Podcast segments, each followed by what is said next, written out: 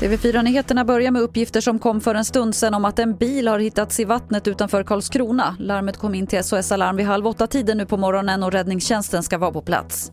Aldrig förr har det vabbat så mycket som det gjorde i våras, det visar siffror från Försäkringskassan. I april var antalet vabbdagar nästan dubbelt så många som i april 2019 och en av orsakerna tros förstås vara coronaviruset och att många följt Folkhälsomyndighetens råd att stanna hemma vid minsta symptom.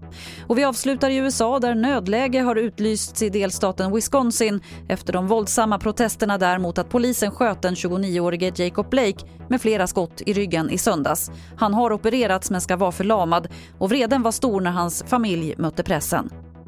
I'm not sad. I'm not sorry. I'm angry and I'm tired. I haven't cried one time.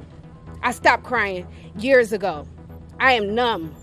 I have been watching police murder people that look like me for years. Det sa Jacob Blakes syster och det var det senaste från TV4 Nyheterna. Jag heter Lotta Wall.